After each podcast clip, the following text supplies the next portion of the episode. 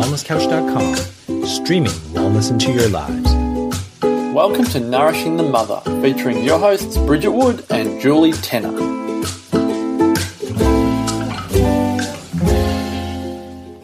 Hello and welcome to Nourishing the Mother. I'm Julie Tenner and I do not have Bridget Wood with me right at this second. But what we decided to do today for this podcast is just a little bit different to what we usually do. And instead, we're going to give you a best of the 2018 year of podcasting. So, we've selected some snippets of five of our most popular podcasts that we've mushed together for you. And we'll put all of the links in the show notes so that you can choose to go deeper if you want to, or look at them, or maybe re listen to them again if perhaps it's come full circle and it's now relevant to you in your life now. So before we jump into it, I'd love to remind you to jump on to nourishingthemother.com.au and sign up to join our tribe on the homepage. And we have a new website up and running, so please go check it out, nourishingthemother.com.au. It's exciting and we're so happy to introduce all of our 2019 products and courses and coaching and all the different products that you can patch up and make your own together. So please check it out, nourishingthemother.com.au and sign up to join our tribe.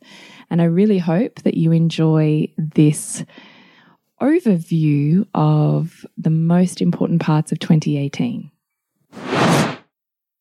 So, we're kicking off 2018 with a snippet from a podcast that's very unique in that we were interviewed by a gorgeous woman in our tribe, Lana Sussman of the Parents Village.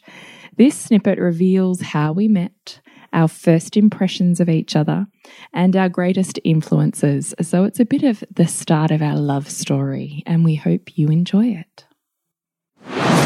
I think that um, it's hard for women sometimes to find the right people to be able to speak a language that they might have in their own heads because you might have some fabulous girlfriends or you know even partners who who can meet certain needs in that way. You can talk about things but you know, I feel like there's such a beautiful quality about the conversations you guys have, which uh, certainly feels really aligned with, you know, obviously the way I think.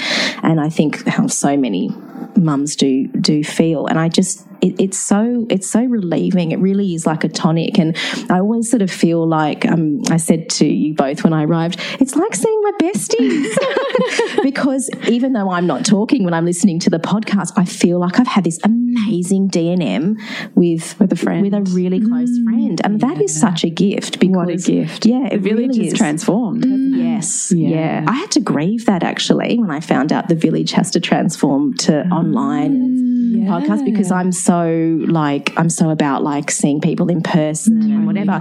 But actually, you know, even just the experience of having you guys in my life in that way, I'm like, but hey, look what nourishing the mother's done for me. Mm for so mm. many others. Like, yeah, yeah like an all number of podcasts and yeah, online totally. communities. Like, you yeah. can't judge that. We want to say social media is bad and blah blah blah blah blah, but there's so many benefits to it. Yeah, it's all about the balance and yeah, yeah, what you guys bring. So, so yeah, I just you know I guess the the what I wanted to do was just sort of go through some questions and have a yeah. chat about a little bit more about Bridget and Julie. Mm. And um, they look a bit frightened right now. yeah, because looking I'm, I'm thinking it because like like because Lana's in our like in, in our tribe um, private Facebook group, and she put some put this question out to everyone. You know, like who's got some burning questions they want to ask? And I know that a few people PM'd you, like, and so yeah, we just we got no idea what's coming up. Yeah, so. yes. But you have to let you. Reason I'm looking like that is because my son is playing footy at the Oval at the end of Bridget Street here, and he, I just got a call to say he's walking back up. So at some point we're going to press stop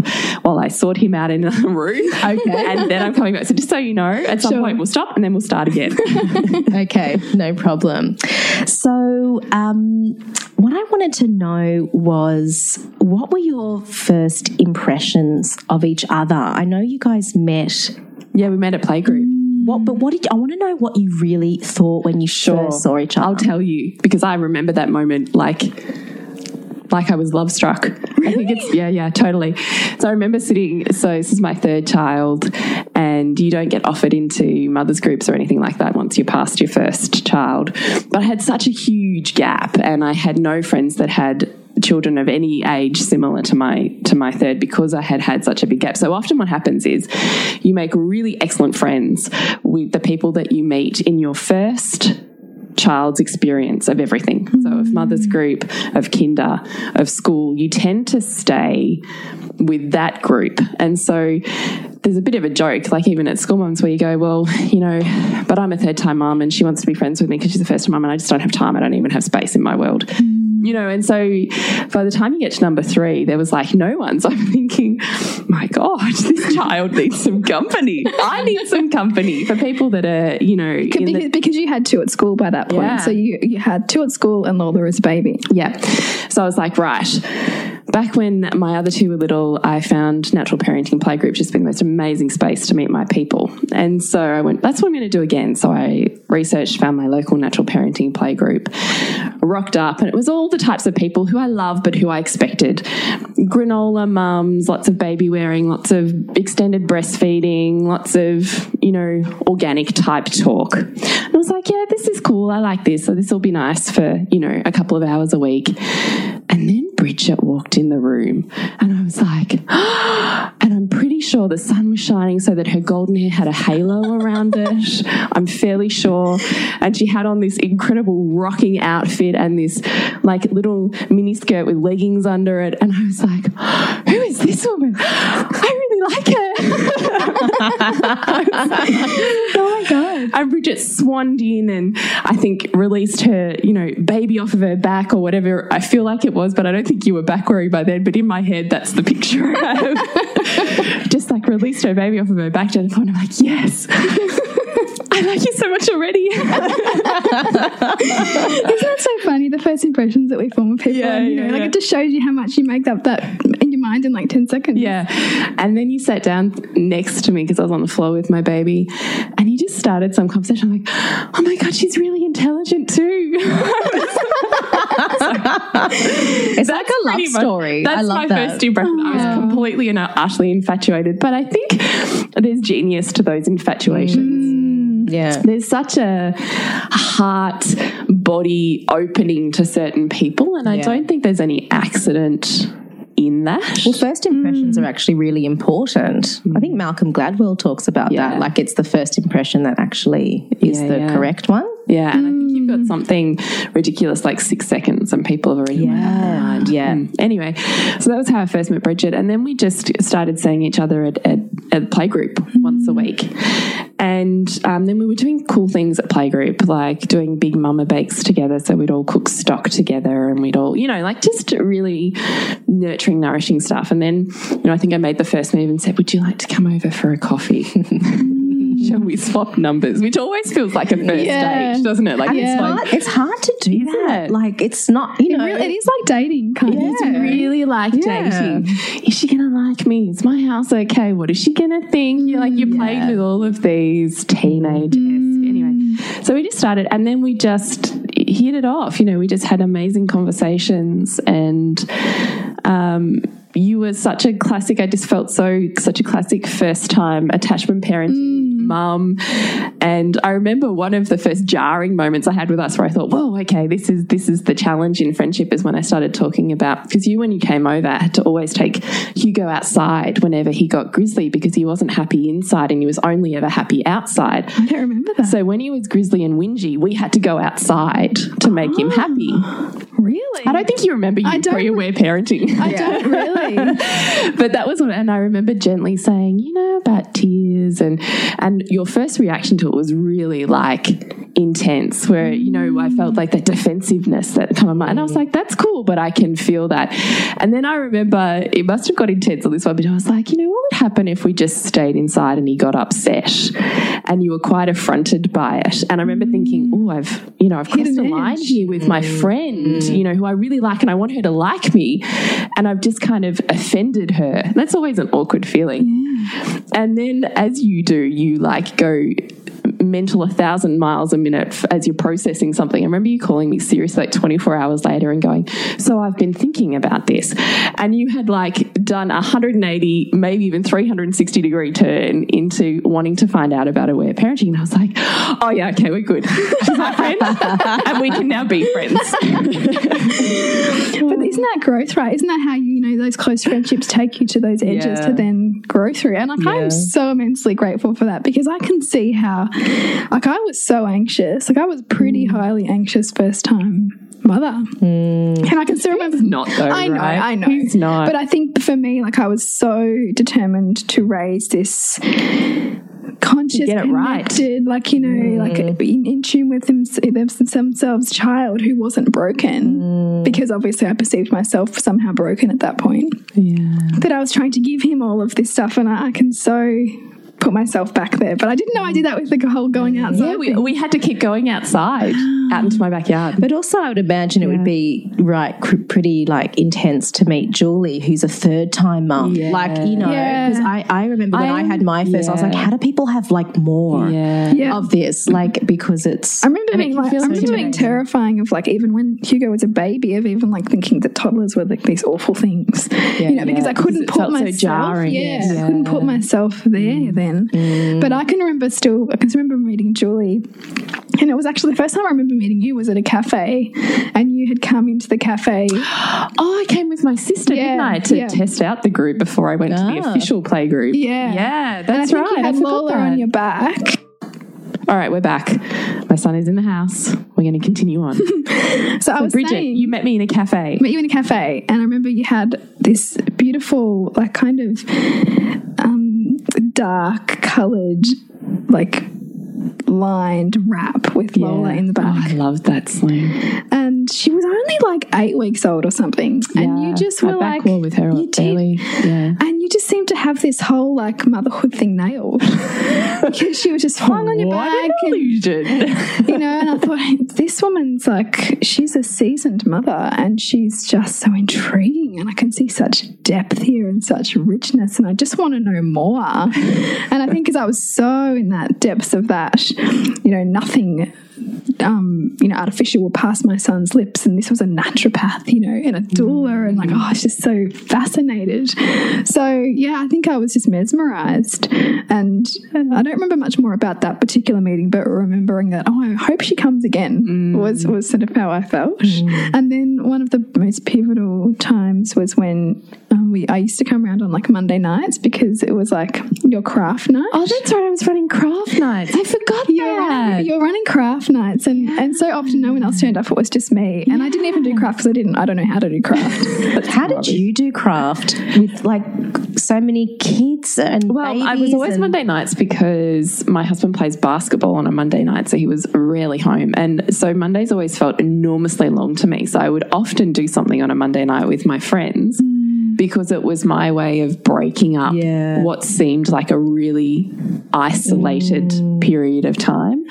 I had forgotten that. And so I was running craft nights, but my kids have always been, I'm incredibly, I think like you, Lana, incredibly clear on bedtime. This is when you're up with me, and this is when you're not. Mm. I love your boundaries around that and like how much permission you've given me and other mums to do that. Yeah. I'm really, I also am super like with whoever I speak to, I'm like, you know, you can be boundaried about it and it's mm. totally okay. They're and going you're, to you're going to actually okay. get great sleeping kids, like Yeah. those boundaries. and great relationships as a Yeah. result too. Yeah, exactly.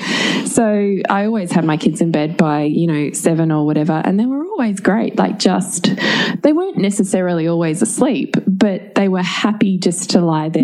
Even, I know that my daughter, I think, and my son, even just are happy just to listen, which I remember as a kid, just to listen to the natter and, you know, the mm. clanging of dishes mm. and just the sense of, I'm safe and there's someone home. I don't think you can underestimate what a mm. gift it is to feel safe at home. yeah, yeah. And so, yeah, so I used to have these craft nights because I freaking love craft. Mm. and women, when they are doing a monotonous activity, I think there's very mm. something regressive about it. Mm. And I think we can access parts of our psyche, parts of our heart, part of our story when we're distracted with the doing of something that's rhythmic. Yeah. So it was almost like a mini women's circle, I suppose. And it would depend. Sometimes people would turn up and sometimes they wouldn't. Mm. And So also you create you created a little village of, of women. You know that's what women would do. Like they would weave together or they would Yeah. cook together. It's Yeah, bringing that village in. We're so isolated now. So it's mm. actually genius to do that. Yes. So But looking back, that, that's that's really where I think Nourishing the Mother was born. Mm. Was out of those conversations on those Monday nights. really? And I remember one time, like you would hold me in uncomfortable feelings for longer than I'd ever been held in them before, hmm. which was a little bit disconcerting sometimes, but then so profound hmm. to be witnessed like that. Hmm. And I never had felt like that before. And so I think that that provided such a safety you know, in our relationship and also in motherhood to be this place of expansion as opposed to like service and doing and, and giving all and sacrifice, which is can be, you know, it, it can be painted as that, right? Um, and so, yeah, and I remember like looking, so looking forward to those Monday nights, and yeah, it was really nice. Oh, that's so lovely to hear because I'd totally forgotten that. It's funny Actually, really nice that you're taking us back here. Isn't it nice? because we never had like we never really had this conversation. No, we haven't. Well, I just love. I I often actually ask um, people like if we're out for dinner, it's like, what was your love story? Like, because it's such a nice, and I love hearing it from different like one couple talking about yeah, because you guys are a couple. Yeah, it's Yeah, a love yeah, story. yeah. and it's like I love everyone's got their love story about how they met, and it's just it's it's really beautiful um, because you guys are such a, a team and it's a dynamic, mm. and there is very much both of your personalities, which are very different but very mm. aligned in some ways, and it's just really interesting to have like I feel certainly that like I've gone on a journey with you guys and how you guys have also developed mm. In your own ways as well. So yeah, I wondered like what you thought um, Of each other. of each other, but also how how do you feel you've developed over the course of nourishing the mother, like since you first started? Because it's been going for like three, years. yeah, three years. Like what's maybe just name like the biggest Needs some drama therapy. You can't even put words to it. I think it's so much have a more, sound so much more movement. grounded in myself. Um, a lot less concern about how I think I should be, um, and really in more of a place of making more parts of myself okay, mm. which is essentially what we're wanting our tribe to feel, mm-hmm. right? Like it's mm-hmm. about you know, noticing those edges instead of shoving them down. Mm. You know, noticing those spaces within us that feel scary or mm. not okay, Yeah, and even the parts of our, you know, in our children that we struggle with, and what that brings up for us um, is is just making making more um, more acceptance, I suppose. it's normalizing it Yeah. mo- modeling the not that normalizing and that's sort of what um, you know we teach parents to do with their kids. It's like you've got to normalize like we've got to normalize it. It's okay to cry. It's okay to have big feelings right? Yeah. and you guys normalize it for us. Yeah. it's okay to share your deepest thoughts about things and to have them heard by a friend and to have them heard in, in general. I think that's to show up. yeah like that's a to really give voice to those depths and I, and I think too that and, and for so many mothers who are motivated by giving the the best that they can to their children you know what pulls mothers on the journey with us is the is the truth that that to make more of those parts of yourself okay you're then giving that permission to your child. That's right. You know, like even yesterday, um, Hugo and I were looking through a box of um, old baby things, and he was flicking through his book of him that I'd made, and he started sort of crying, and, and I wasn't sure if it was about the book or about something else that we'd been working through that morning. But he said to me later, I was feeling really sad because I was feeling, um, I was crying because that book made me feel really happy, and they were happy tears, and you know, we've developed such a language around feelings and around making more feelings okay. Um, that I was just so grateful in that moment that that he felt safe enough to express that with me. yeah You know, because because I can also see where if we push too hard for that, they close that. Totally. So you know, d- just the gentle invitations that I can give to make more spectrum mm. okay mm. gives him the safety to feel like he could speak that yeah that's amazing isn't you it know so and that's such a testament i think to our own journeying and willingness to show up um, in all parts of ourselves on this journey that gives our children permission to to make more of themselves okay too in the home. Mm, that's right. And you know, it's it's the mirror that you guys provide as well. So I mm. think we all sort of sit there and go, "Yep, I can really connect with you mm. know something about Julie's story." We're all- we're all Bridget's story. We're Yeah, all mirrors. yeah. Yeah. yeah, There's so much nodding basically that goes on. No, totally. And you only ever see in someone or hear whatever you need to hear in order to grow in Yeah. that moment. You know, which is why you could listen to the same podcast over the course of three years and get something different out of it each time Yeah. because you are at a new evolution. Mm. Mm-hmm. I mm. find that extraordinary. Yeah. So, Julie, what about you? What? How do you feel you've developed the most? I would say I'm less polarized. I think that has been my mm. biggest gift from being on this journey with you, Bridget, which I'm so immensely grateful for because there's so much pain in being utterly sure that this is right and this is wrong. Mm. God, there is, isn't it? Mm-hmm. So much pain. And yet we defend it with so much vigor. Mm. Whatever our position is, we defend and fight against the world in order to feel righteous. Mm. And I can certainly see, you know, not dissing polarizations either, because as the conversation you and I were having earlier, it's I totally see how they serve and how the void or the pain served my desire to meet that so intensely, and how mm. my journey on that has then sought the polarization swing to the other side so I get to balance it out. I totally see the purpose in it, but I can also see how wounded I was through teenage years and, and certainly my 20s mm. by virtue of being in one pendulum swing or another because I could never find a centered place, you know? Mm. So I'm always swinging. Yeah. So I think the gift of my 30s and nourishing the mother has been I can make an empowered choice that feels authentic to me because I can see both sides without having to literally walk them. Yeah. That's right. and you can change your mind. Yeah. And, and and be okay with changing your mind and not having to, you know, think who's going to judge me or what, you know, wrong or that's right, or, you know, just to sit out, sit beyond that place of, of right and wrong That's to right. entertain the full spectrum of, of mm. possibility. This next one is episode 162 when sex just isn't happening. And what do you do when it just ain't? Do you get stuck in a blame or shame spiral? Or do you own your own shit? This snippet shares my inner world post baby number four as I fought the resistance to show up sexually with my husband. Don't be fooled by the illusion that people have their shit together mm. because even those that are teaching something are teaching it because they're still learning it. Mm. There's such a big pain there that it forces them to learn and to grow, and therefore they gain a body of wisdom. And if they're ready to integrate that to the next level, they'll be sharing it beyond themselves and their family, which is where I find myself. But that doesn't change the fact that sometimes sex just isn't happening.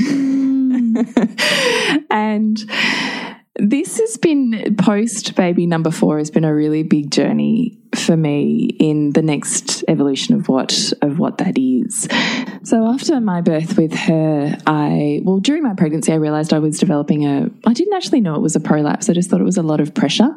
And fourth baby just, you know, heaviness. Yeah. And it wasn't until um, I don't know, probably like the eight week mark that I went, oh, everything else has gone back, so to speak, but this hasn't. And I think this might be a prolapse. And um, I went for my checkup, and yes, it was confirmed I had an anterior wall prolapse. And then we, you know, I kind of then went, okay, um, what are my options? Anyway, long story. We've had a podcast on that with Catherine Middlebrooks. I found her, which was amazing, and started doing her yoga. And part of all of that has been really trying to integrate sexuality whilst being a conscious parenting, fully breastfeeding mother. And to some extent, there's been evolutions of that being difficult for me over the course of four children.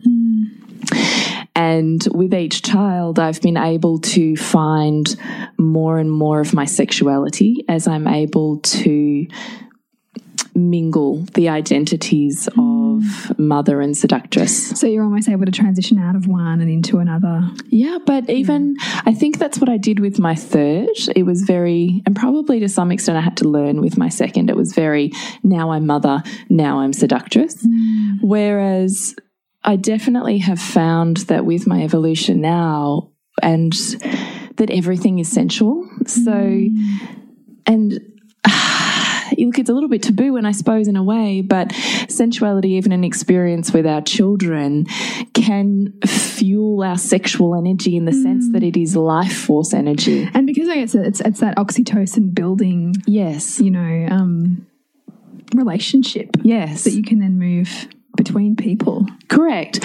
So once you are able to to gain some sort of mastery over breath and energy movement, then you're able to have a level of mastery over where that that goes in your body. Mm. Now we are women who are the literal walking embodiment of the feminine. We have the power to create, sustain, and nourish life.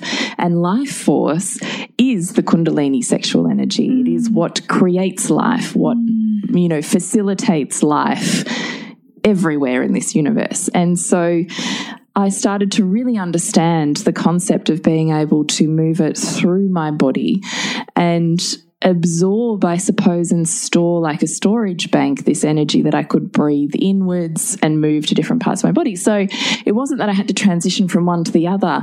I was really understanding how to be a sensual woman that was grounded in her sexuality without it needing to be porno.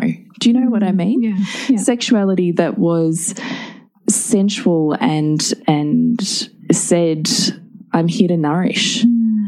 And it felt for me like the next step up in that, I suppose. And I was really enjoying that. And we were going really well until, you know, you hit the next bit where you're not. Mm. and life gets busy and babies start waking up and you're too tired. Work takes over, certainly for my husband, other commitments. And it's easy to go, oh, I just can't be bothered. Hmm. Oh, I'm too tired. Well, if he doesn't try it in the next 10 minutes, that's it. I'm off to bed. Hmm. No, nothing. Righto. Fuck you. I'm going to bed. I, so, I so know that too, right? I Yeah. so know- yeah. You, like a thousand stories. yeah, yeah. And you build up resentment, and then that creates more distance. Yeah, that's like, totally what I'm talking about. Mm. And so, as I'm physically creating more resistance because I'm not able to speak up and say, I need help with this, or I need to be mm. able to do that, or what I really want to experience is this, I'm off on my own little journey, yeah. not involving him at all. And as I do that, I'm waiting for him, like almost like setting a trap and being a lioness, waiting for him just to jump into it. I'm like setting these traps of, is he going to? Yeah, you did. How disappointing. Just looking for him to. you know, you know, This is very, this is very Queen's Code emasculation, right? yeah, isn't it is, isn't it? Yeah. And I'm looking at all these, I'm going, ugh, you know, I can't believe you, like, what? You know, and in my head, I'm thinking all of these stories. I've already decided, I've already decided the fact that reality is this. And so, mm. therefore, he's that. Mm. And the reason that he's doing that or not doing that is because reality is this. And I've not involved him once in any of my little, you know, world of story that I'm currently living in. And he's got absolutely no idea of the world of story I'm living in. All he's going is kind of reactionary to my like as I'm sniping at him every now and then or thinking, ugh, he's so disappointing. you know, or whatever. And I can see him trying to do stuff. So he'll do more dishes or he'll clean up more or he'll "Mm, do you need me to take the baby and do this one? I'm looking at him going, yeah, I really do. But that's actually not what I want at all. But I'm not telling you that. Mm. So you do that shit and you still irritate me. you know, you know, like this. Like I'm thinking, you, you're doing it, and you know you're being. I so know I'm doing it, mm. and I can't stop it. You know, and in and in my head, I'm thinking. I don't know what it is actually. I think I think it's easier to do that than it is honestly to own my voice mm. and to own the pain. Anyway, so several months ago we had this really big conversation about sex and sexuality and where we were at and where we wanted where I wanted to head. And really what I want to what I said. So got to remember he's a very in inverted commas non-conscious bloke. Like just a bloke's bloke, loves sport, He's, he's hates reading books. just like my husband. You know, loves sport, hates reading books. Tick, tick. probably saw a poster of tantra, you know, positions, but would know nothing else, Yeah. you know. And I'm saying to him, that's it. This is it. I'm done with the sex we've been having. Done. Hmm. Really, what I want is this. And I'm now willing to say to you, what I want is this. And what I need you to do is this. And what I don't want you to do is that. And what I want you to do is this. And it was a really massive, massive, massive conversation and I gave him reading material and chapters out of ebooks and books that I wanted him to read. And ultimately then he disappointed me again because he tried but it wasn't really on the it wasn't really hitting mm. hitting the mark. Mm. And he just one one night he goes oh fuck I just I don't even understand like I think I'd given him a John Wineland I'm really, I'm really feeling for him right yeah, no, I, I was starting to well. And he's like, I don't even know what they're saying. Like, I can't even follow it. Something like this. And I'm sitting there going, Really? And in my head, I'm thinking, wow, that's how far I've come. Like, that's also mm. says to me, that's, I've got to remember that this sits for me on 20 years of research. Yeah. And this for him is the first time he's done it. And it's coming because the pain of his partner being un- mm. unhappy Yeah. is creating the drive to learn something he has never had a desire to learn before. Mm. Anyway, so I said, okay, what's going to work best for you? If we, would this work best if we set up date nights and pre being intimate, we would read a chapter or something from my reading list mm. or listening list. Mm. We would listen to it together in bed nude, and then we would have a discussion about it. And then we would discuss how we would implement it into our sexuality or our next sexual exploration. He mm. said, Yes, actually, that would be really great. I said, Okay. I love this. so that's what we did. Yeah. So our date nights, then we were, you know, locking them in because the thing is, we want this passionate spontaneity kind of, you know, we're all chasing the desire that's fizzled out. But if you leave it to spontaneity, mm. it never happens. And the further you get away and the easier it is to have excuses. And what if you could be more conscious with your sexuality and mm. instead of waiting for it to happen upon you, you could put on your big girl pants or take them off, as it were, Take them off.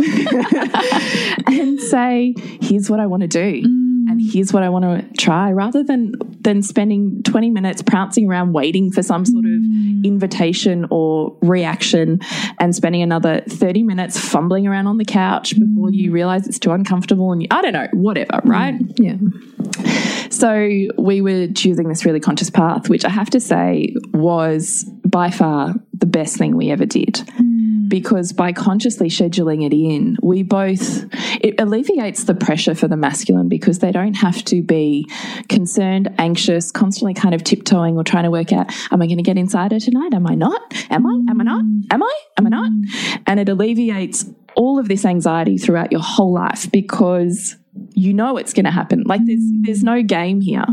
He knows he's coming inside me tonight or on Tuesday or whenever it is. Mm. So spontaneity, funnily enough, happens because there's more intimacy. Mm. Yeah, right. Because you've already you've got that energy going on Yes. between you, so it's almost easier to go into that place. Yes. as opposed to the chasm getting so big, Right. That it's, that it's painful. It's too- Exactly. it's too hard. Exactly. Mm. So this has kind of been my year. And it's been great until it's not. and here we go again. Mm. And I was realizing I was getting really angry, really angry with him.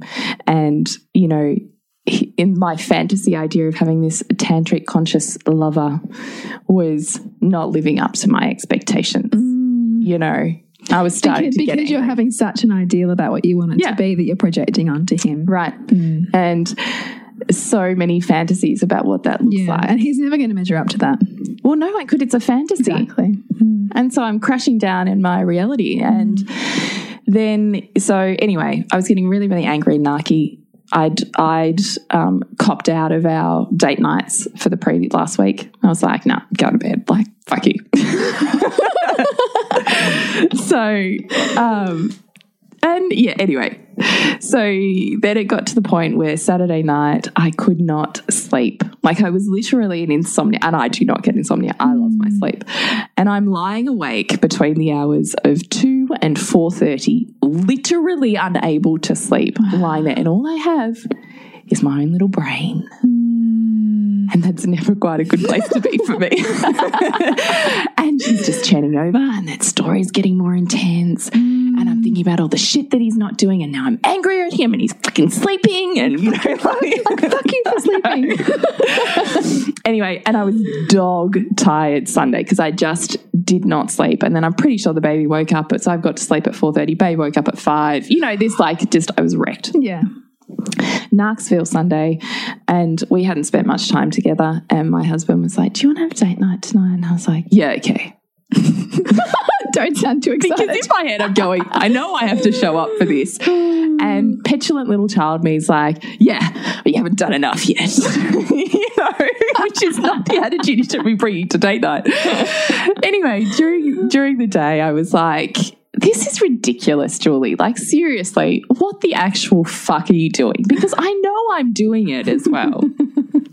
So I took some time while the baby was sleeping and I think the others were out and I wrote down everything like verbal dialogue that was in my head. Mm-hmm. He's not and like a list of things. I'm not and like a list of things. What I want is and a list of things. You know, everything I'm angry about and a list of things. Mm. I'm really scared about and a list of things. Mm. Just smacked it all out of my head as it was, you know, unedited. Unfiltered, Yeah. And then on the reverse side of that piece of paper, I took a breath and went, So, what are you going to do? was the question I put at the top.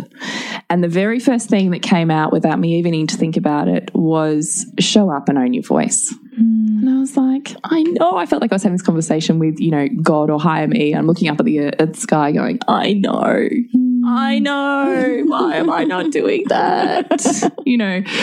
And so then I wrote down a list of, of things about what, how, what I was going to do, what I needed to mm. say to own my truth and my voice. And, you know, and to be honest, it was a fairly scathing kind of thing. I was thinking, this is really going to hurt him when I say it. Mm. Part of me is enjoying that, part of me is scared of that. Anyway, it's date night. Ah, too hard. I'll just go to sleep instead. Even after all that work. After all that work, right?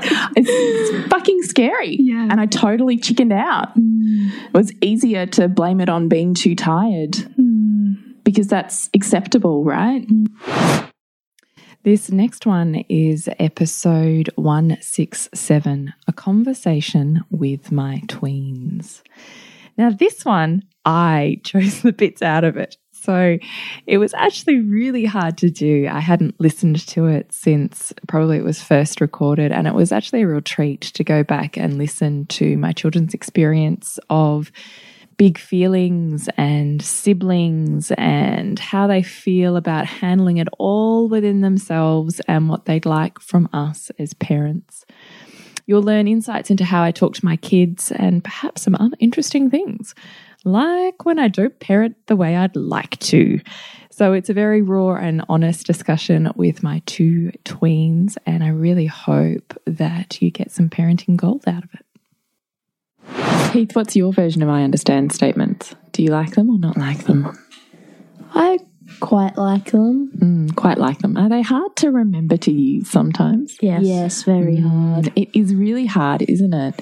What do you want to do instead sometimes? Instead of having to use your brain and having to say an I understand or an I feel statement, what do you want to do? Yell at them. Yeah, I get that. Snitch on them. Oh, snitch, I hate that word. and does that feel good? Is there something in your body when you're feeling like really uh, irritated and angry and just like flicking out some anger feels kind of releasing? Yes. How does that go normally when you flick out anger that way? You usually tell us have you used your words with your sibling and have you used an I statement? But how do you, what is the response that you get? So if you've chosen instead to flick out some anger to do a bit of mud throwing, Jade, what is usually the experience then? How does it roll? Uh, acts of service. No, no, not between you and me. between you and your siblings. Oh, it does not work. It just keeps going back and forth. It does, doesn't it? Does it get better or worse? Worse. Uh, what gets worse? That they constantly keep on just flicking something. It's like a never ending war of like gunfire, except their words. Mm, yes, that is 100% true. And I, I like your analogy there. Before you use an I statement, do you sometimes have to do something with your body? Mm-hmm. Mm-hmm. What can you tell us about that? I go outside and do something physically to get rid of my anger, like shooting some hoops in basketball or running or doing some push ups or something like that. Hmm. Can you talk me through it all, how that feels in your body? It feels really good because I get rid of all the angry feelings inside of my body and then I feel more relaxed and a bit more down to earth and like I can talk to people. Hmm. Can you talk to people when you're feeling angry or irritated in your body? No, not really. So, really- so if mum and dad choose to keep like at you, if you were in that angry, irritated state, and instead of giving you the space to go and get back to balance, if we keep at you, Heath, da, da, da, da, da, da, da, what does that do on the inside of your body? It makes me even more angry and irritated. Mm, so it just kind of compounds and gets bigger. And does your brain still work at that point, or does it feel like your brain's kind of left the building and all you've got is these raw kind of feelings? Yeah. Mm. Do you sometimes need a reminder to go and get your body back to balance? Occasionally. Mm. Why is it hard, do you think, to do that for yourself? Because you just want to flick it all out on other people and make them feel bad and make yourself feel proud. Ah. I so get that. I do that too. That's really hard to learn, isn't it? Yep. Yeah. But we're just going to keep trying, aren't we? Yes. Thank goodness for siblings helping us learn that.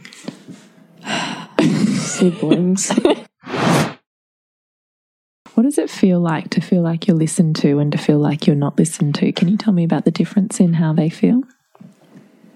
When you listen to it, kind of feels like you're understood and how you're feeling is respected. Hmm. I really love that you're even getting a welling of feeling right now as you're saying that. Do you know, Bridget and I often cry on this podcast. Have I told you that before? no. We often do because we're telling stories from our hearts. And sometimes when we're telling a story that feels really truthful, our hearts kind of melt and overflow, and we get feelings that pour out of our eyes and they release stress with them. And that can be a really beautiful releasing thing to do. And I can tell right now I have one who's feeling centered and enjoying that conversation, and one who's feeling a bit irritated by that conversation and fidgeting. because that's not exactly how you like to roll, is it, Heath? You prefer movement. Yes. Mm. I can't stay still for very long. And when we're having an awkward conversation, is it really hard to stay still? Mm-hmm. hmm What helps you hang in there for that awkward conversation if it's really hard to stay still? I have to center myself again. Or if you're moving, does the movement need to change? Yes. Do you have any ideas what it is that you like to do? Like, how do you move? Have we talked about moving before when we've been having conversations that you've not enjoyed? Um, have we? Can't think of any. No. It's okay. You often fiddle with something or play with a ball, don't you? Yeah. Does it feel like you can deal with more if you're moving at the same time? Yes. Is that the same or different for you, Jade? Different. Mm, What do you like? I like to really be um like not distracted by something and just kind of really take in the conversation. Mm. Me too. But She wasn't as cute as Gwen. Excuse me. No one's as cute no as one's Gwen. as cute as Gwen Heath. She's just the apple of your eye, isn't she? Yeah. She's going to be a pro basketball player. Is she? I'm going to teach her. Are you? Or will she have a killer voice because of how much singing and screaming and crying she does? Oh, singing and screaming and crying. She's really found her voice, hasn't she? Yeah. Yeah. What do you think about that? That it can be It's really agitating sometimes. Is it? when she constantly doesn't want to let go of mum, and then mum tells us, Jade, Heath, come and get the baby. I do sometimes, don't I, when I've got to get something done and you've got to come and Like take a dinner. Like dinner, yeah, because everyone's got to eat. And you've got a screaming baby now. It seems like a lot of responsibility. How do you feel about that? Pretty good. How do you feel about her crying? How do you respond to that? Um, we tell her that we hear her and her feelings and things and let her be heard and let her just cry because she might want to get it out. Oh, Heath, you just made my heart swell too. Heart Jade, I'm winning. no, no, you're. I really love that, Heath, because I think that's really important. Do you think that's really important too? Yes. Do you think that's another message you've carried from this family out into the world? Yeah. Yeah. Mm. I wonder also in this gig of parenting. Okay, I know you're nearly done. I knew you nearly had enough. Could I maybe ask you like another question, and then maybe you could ask me a couple of questions? How would that work? Yep. Can you hang in there for that? Yeah. Okay. Here's this thing. I think that sometimes when we're parenting and we're wanting to have this really beautiful family life, we can feel like when our kids don't like us that we're not doing a very good job. But sometimes you really don't like us, do you, mum and dad? No. No. Sometimes you really do not like what we're saying. No. Yeah. I wonder, even in those moments when you really don't like what we're saying or the boundary that we're putting in and saying this is what's okay and this isn't, do you know that you're still loved? Yes. Sometimes not. Oh, sometimes not. Okay, I'll come back to you. How do you know that you're still loved? Because we're all one family and no matter what, we love each other. And um, all relationships have fights, but they heal. So, yeah.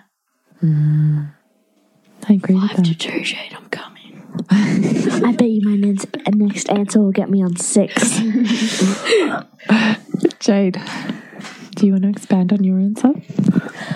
Sometimes I feel like when I really, really, really like don't like what you're saying, it's almost like a bullet just got shot into mm. my heart, and I kind of and everything just kind of spills out, and it's it's a bit mm. like nobody out there really likes me. Mm. So, when you're feeling really disconnected at home, does it feel like you're really disconnected everywhere in your world? Yeah, hmm. That sounds really hard. yeah. Hmm.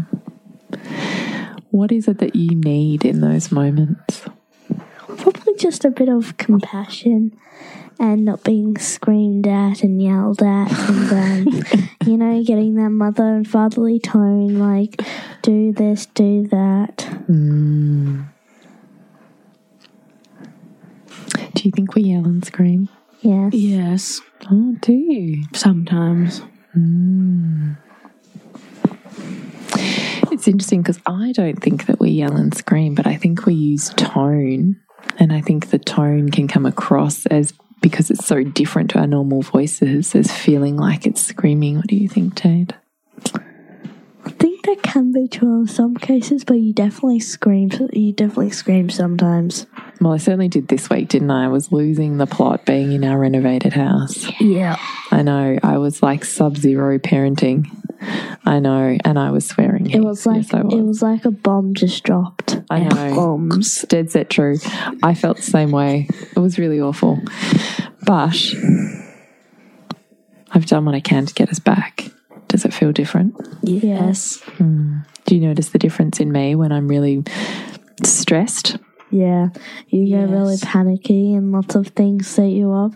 Like for example, back to the like bird pecking on the corn. Hmm. Um, it's like one, one there's like one little corn knob, corn little thing left, and when that bird pecks it off, you just light and fly fire. It's true. There's no tolerance, is there? No, hmm. I totally agree with you. It's a really hard place to be. No, and I agree. I totally agree with you. And it, I'm not being the mum that I want to be then. What do you think it is that I need to do when I'm in those moments? Probably tell do what Calm you t- down. Mm. tell us to do. Just take ourselves away from the situation and kind of just take deep breaths and Do something physical and get it out. So true. It kind of hurts. It's coming right back at you, mum. I know, Jen said. I know. I so know. I'm really sorry. I'm trying really hard. This renovation's really hard. It's hard, isn't it? yeah. Sometimes you need to take those really big like Buddhist breaths. Yeah. I know. I know. Can you help me remember that when we get back home? Yeah, we should put a list on three. The fridge, not the three. The fridge saying mum's to do list when she gets angry during renovation. One, take a deep Buddhist breath. Two Buddhist. is not Buddhist is the right word. I, I say Buddha belly breaths, but Buddha belly. Buddhist, yeah, Buddha belly. You know, like the big smiling Buddha. You know how he's like this round jolly man. so I think about the round jolly He has man. some elephant ears. he does, doesn't he? Why do you think he has really so he can ears? hear he can hear all of the people down below. He's a spirit, so the people that he, he No, so he can listen twice as well as he speaks, Heath. Oh, oh, oh! Guess what, Heath? Now I'm on seven and you're on two. Boom. Next up is Emotional Gridlock, episode number 156. I wonder in this episode if we saw relationship as a people growing machine, churning out someone different at the other end of it, how differently would we see our problems? Stop working on your relationship because it is working on you. The feeling of you getting to a point where you go, This isn't me, is more powerful than saying it's hormones.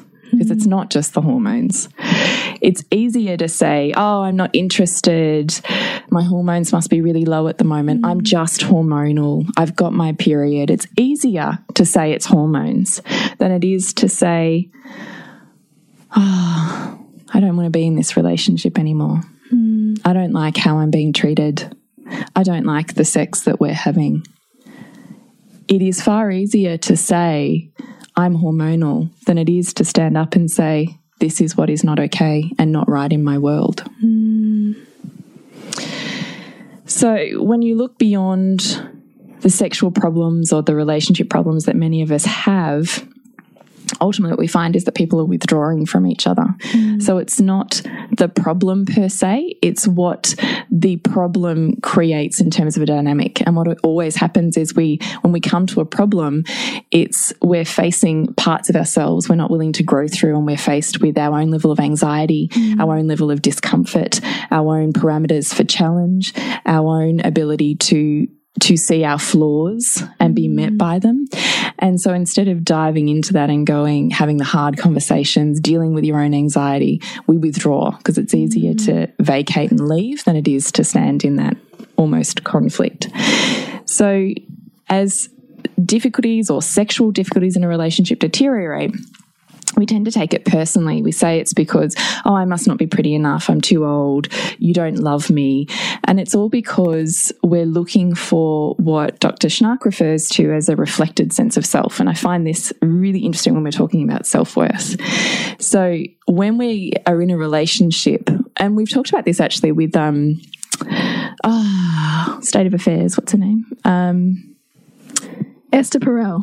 Yes, Esther Perel. So she talks about it, which you and I have spoken about before, is that when desire wanes, but a relationship still wants to be functional, stay together, that part of that reason is because we're merging too much. There's too much togetherness as opposed to enough separateness. So she talks about the importance of separate identity and that maintaining sense of self is actually what we find most desirous about a mm. person, our partner. We find most desirable when they are in their own power mm. as opposed to merging into you. So it's this concept of you need enough self in a relationship to maintain the mystery and the ability to hold mm. tension and the ability to hold and regulate your own anxieties and your own sense of rather than needing someone to do mm. that for you. Yeah. Right? Yeah. So, Dr. Schnarch talks about it in terms of the mirror. So, he's saying that we're often with people where in, in a partnership, you can be looking for a reflected sense of self rather than an owned sense of self. Mm. And when we're doing this, we're looking for our partner to become the mirror of who we think we are.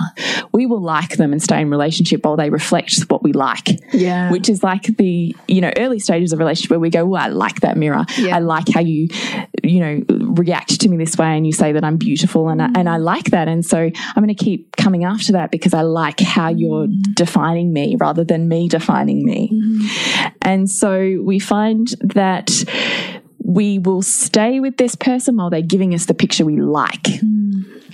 But as we are designed biologically and spiritually to be called into forwards into growth, the closer you get in a relationship, the stronger that mirror becomes. And we start to see parts reflected back to us we don't like so much. Mm. Because now that mirror is getting a little bit too close mm. to the parts that we don't want to own. And that partner who used to validate us and say, You're beautiful, you're young, you're interesting, you're mysterious, you're dynamic. And we used to seek for that. We used to look for that because then if they said we were beautiful, we were beautiful. Mm. And if they said we were sexy, we were sexy. And if they said you're interesting, we knew we were interesting. Mm. And if they sought, con- co- you know, communications or, or, you know, conversations with us, we knew we were important, hmm. as opposed to knowing those things on our own. Well, yeah, th- then, then us, us being those things just because we are, as hmm. opposed to needing someone else to say that. right? Hmm. So when we hit the challenges where we don't like the things that our partners are bringing to us in reflection, we withdraw because it's we're meeting our edges of of who we are, right, and our edges of growth. And when we don't like it, as we talked about before, and it brings up our anxieties and it brings up our ability to self regulate or not, and that person who was feeding those things for us no longer is, mm. and we are forced to find it on our own. Often we won't enter the arena; we'll withdraw mm. because that's easier Yeah, way easier. right? And so when we withdraw, we're, we don't feel desirable, and our dependence on our partner for making us feel good about ourselves is is gone. And it also, you know, as we know, we're always looking, we're always seeking and need a balance of like praise and reprimand. And the more that we're trying to seek one of those things from our partner, the more we're going to be seeing the opposite. The more we're going to see those sides of them that we that we struggle with, because we actually need, on some level, you know, even in a respectful relationship, a level of you know equilibrating, mm. so that it is, you know, an honest relationship, an authentic relationship. Mm. So, with the reflected sense of self, we enter sexuality or relationships with people wanting to like us, wanting to mm. show us the parts that we like about ourselves as well, and say, This is who you are, and, and we like you. Mm. And so, often we make decisions to please that person in order to get that validation back. Mm. So, this is when we start being the good girl and the nice girl and toeing the line rather than rocking the boat and doing things for the other people because it's what you think they want or what you think will please them because then you'll get the feedback that feels good, right? As opposed to it coming from an authentic place. Until at some point, because of the way that we are designed for growth, we say to ourselves in one or many ways, I don't recognize myself, or I'm selling out, I'm disappearing, or you're taking me for granted. Hmm. And when this happens, most people then have a feeling that something like, I must be falling out of love, or I've picked the mm. wrong partner, mm. or our libidos don't match, I've picked the mm. wrong sexual partner. This person I'm not compatible with. And we're in an emotional gridlock. So Dr. Schnarch termed this um, termed this term, and I just really find it so interesting. I, I don't know. I just think stop working on your relationship because your relationship is working on you. I love that. You Start know- working on your relationship because your relationship is working on you. Yes, right? Yeah. Which is what you and I talk about. But I just thought this is, I find this so just so fascinating that we're calling ourselves into integrity all of the time. Mm. And when we look at relationships through this filter, there's nothing wrong because it's all right mm. when you look at it through the filter of the mirror and growth. It's all right because it's working on you to grow. And that is the whole purpose of relationship. Mm. And lastly, we have episode number 153 the top 10 ways to demonstrate self worth to our kids. We're always saying on this podcast pave the way for your children. What you don't make safe for you won't be safe for your children. But this can feel so incredibly hard. And often we're willing and wanting to do things for our kids that we wouldn't even consider for ourselves. Yet, this is the whole purpose of conscious parenting to see the bigger picture perfection of the parent child dynamic and how it can be just as much a portal for consciousness and evolution as any other spiritual practice. So, we hope you really remember your worth and you're able to shine a light on that for your children. Number two, we have is you are worthy all of the time, not some of the time. So, what are you worthy of? And this is a question I want you to get really super clear on. What are you worthy of? What are you willing and not willing to accept in your life and for yourself? And if you feel so disempowered that you can't answer that for yourself, answer it for your child. What are they worthy of? What are they worthy of receiving from another person in relationship? What are they worthy of receiving from another person in their life? What are they worthy of receiving in the job that they have? And the answers that you give for your child are the answers you are wanting yourself to own. But it can be so hard and laden with so much story that we can't sometimes even know what we're worthy of or feel safe enough in our worth. So, know what you are worthy of and that you are worthy all of the time and for no other reason than you just were born worthy. Get really clear. Ask yourself in each area of life, Bridget, what are the seven areas of life? Yes, so they are spiritual, mental, vocational, financial, physical.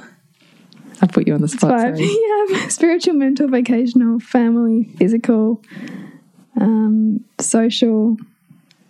One more. we'll think about it. We'll put them in the You show really notes. put me on the spot. Yeah, I did. Sorry. We'll put them in the show notes. So, getting really clear on each area of life, what are you willing to accept and what will you not accept in terms of what you allow yourself to receive and not receive? It's no different to the bully in the schoolyard finding the weakest link. They don't go for the strongest link. So, find where you are feeling really weak in your link and ask yourself why. Hmm. Where have I picked that story up from? What am I no longer willing to put up with? What do I know inherently that I am worthy of and only willing to accept? Hmm. You know, what am I willing to walk away from in order to say to the world and the universe, I'm worthy of this? Hmm. Um, number five is understand your past. What we mean by this is don't judge it, don't criticize it, don't say it's wrong. Your past serves a purpose, it is wrapped up. Your greatest pain, usually when we think about our past, it's our greatest pain, right? Hmm. Your greatest pain fuels your current values and your service in this world. It is something to understand more deeply than to criticize and banish. When we understand our path, we have a sense of poise that we carry into our future because to know where you've come from is to know where you're going, hmm. right? Hmm.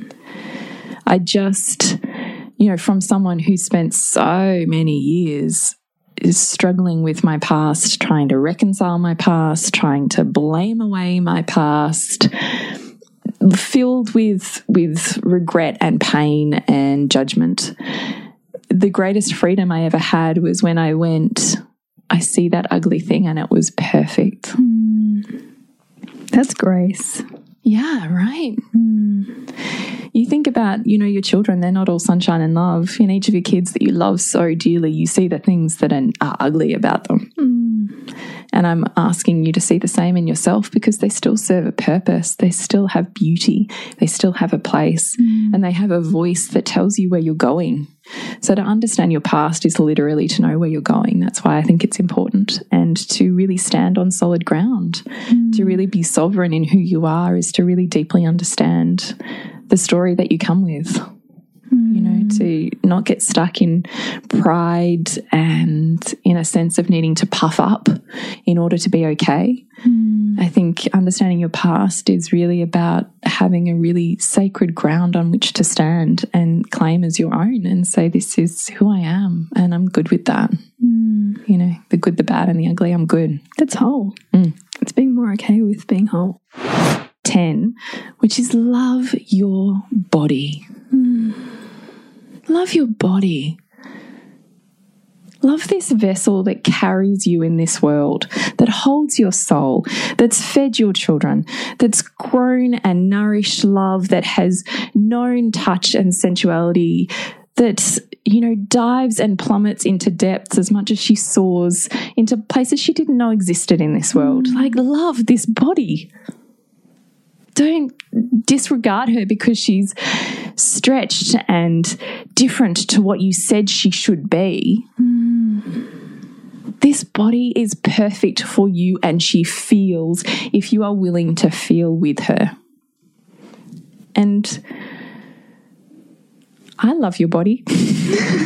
She does. I do. She really does. I touch every part of you you think it's not okay. Mm. I just love this body. Like, she doesn't ask for much, you know, hmm. and she comes with so many lessons. And she is perfectly sculpted, you know, out of the clay of the divine for you in this lifetime. And love that. What does she come with? What are the lessons she whispers, she teaches? How are the ways she serves you? What access points does she give you? You know, what pain does she take you to that breaks you apart and shows you more of who you are? Love your body. Make your body safe. Don't follow a status quo that says your body should be this. Don't numb it to the point of expecting it to be. You know, love the access it gives you, love the pleasure it brings you. Just love your body. That's what I want to. I want my children to know that. And I want my children to know mm. all of these 10 points. But as a woman, I want her to know, my three daughters, to love your body. Mm. It always has power. So that's it. That's our 2018 podcast best of wrap up. Now, I've no doubt we have missed some pearls of wisdom. And if there was other episodes or snippets that spoke more directly to you, your truth and your journey, or that just lit your heart on fire, we would dearly love to hear about them. So please share it with us, share it with your tribe, post about it on socials and tag us in it. And we would absolutely adore to witness whatever small part we might be playing in your year of evolution. So we're Nourishing the Mother on Facebook and Instagram, nourishingthemother.com.au to check out our brand new website and all of the packages and deals within that. You can check out on shop and coaching and online programs. There's so much going on. So please connect with us. We really do relish your emails, your podcast suggestions. We honestly, it's just the two of us, we honestly read everything that you send us, and our heart swells every time we feel that heart's call from one woman to another. And that's what we're here for. So, thank you for being part of the 2018 Nourishing the Mother tribe. And we really look forward to expanding and exploring what your 2019 and ours can hold. See you next time when we continue to peel back the layers on your mothering journey. This has been a production of TheWellnessCouch.com. Check us out on Facebook and join in the conversation on Facebook.com forward slash The Wellness Couch. Subscribe to each show on iTunes and check us out on Twitter. The Wellness Couch, streaming wellness into your lives. Whilst the Wellness Couch presenter endeavor to provide accurate and helpful information to their listeners, these podcasts cannot take into account individual circumstances and are not intended to be a substitute for health and medical advice from a qualified health professional. You should always seek the advice of a qualified health professional before acting on any of the information provided by any of the Wellness Couch podcasts.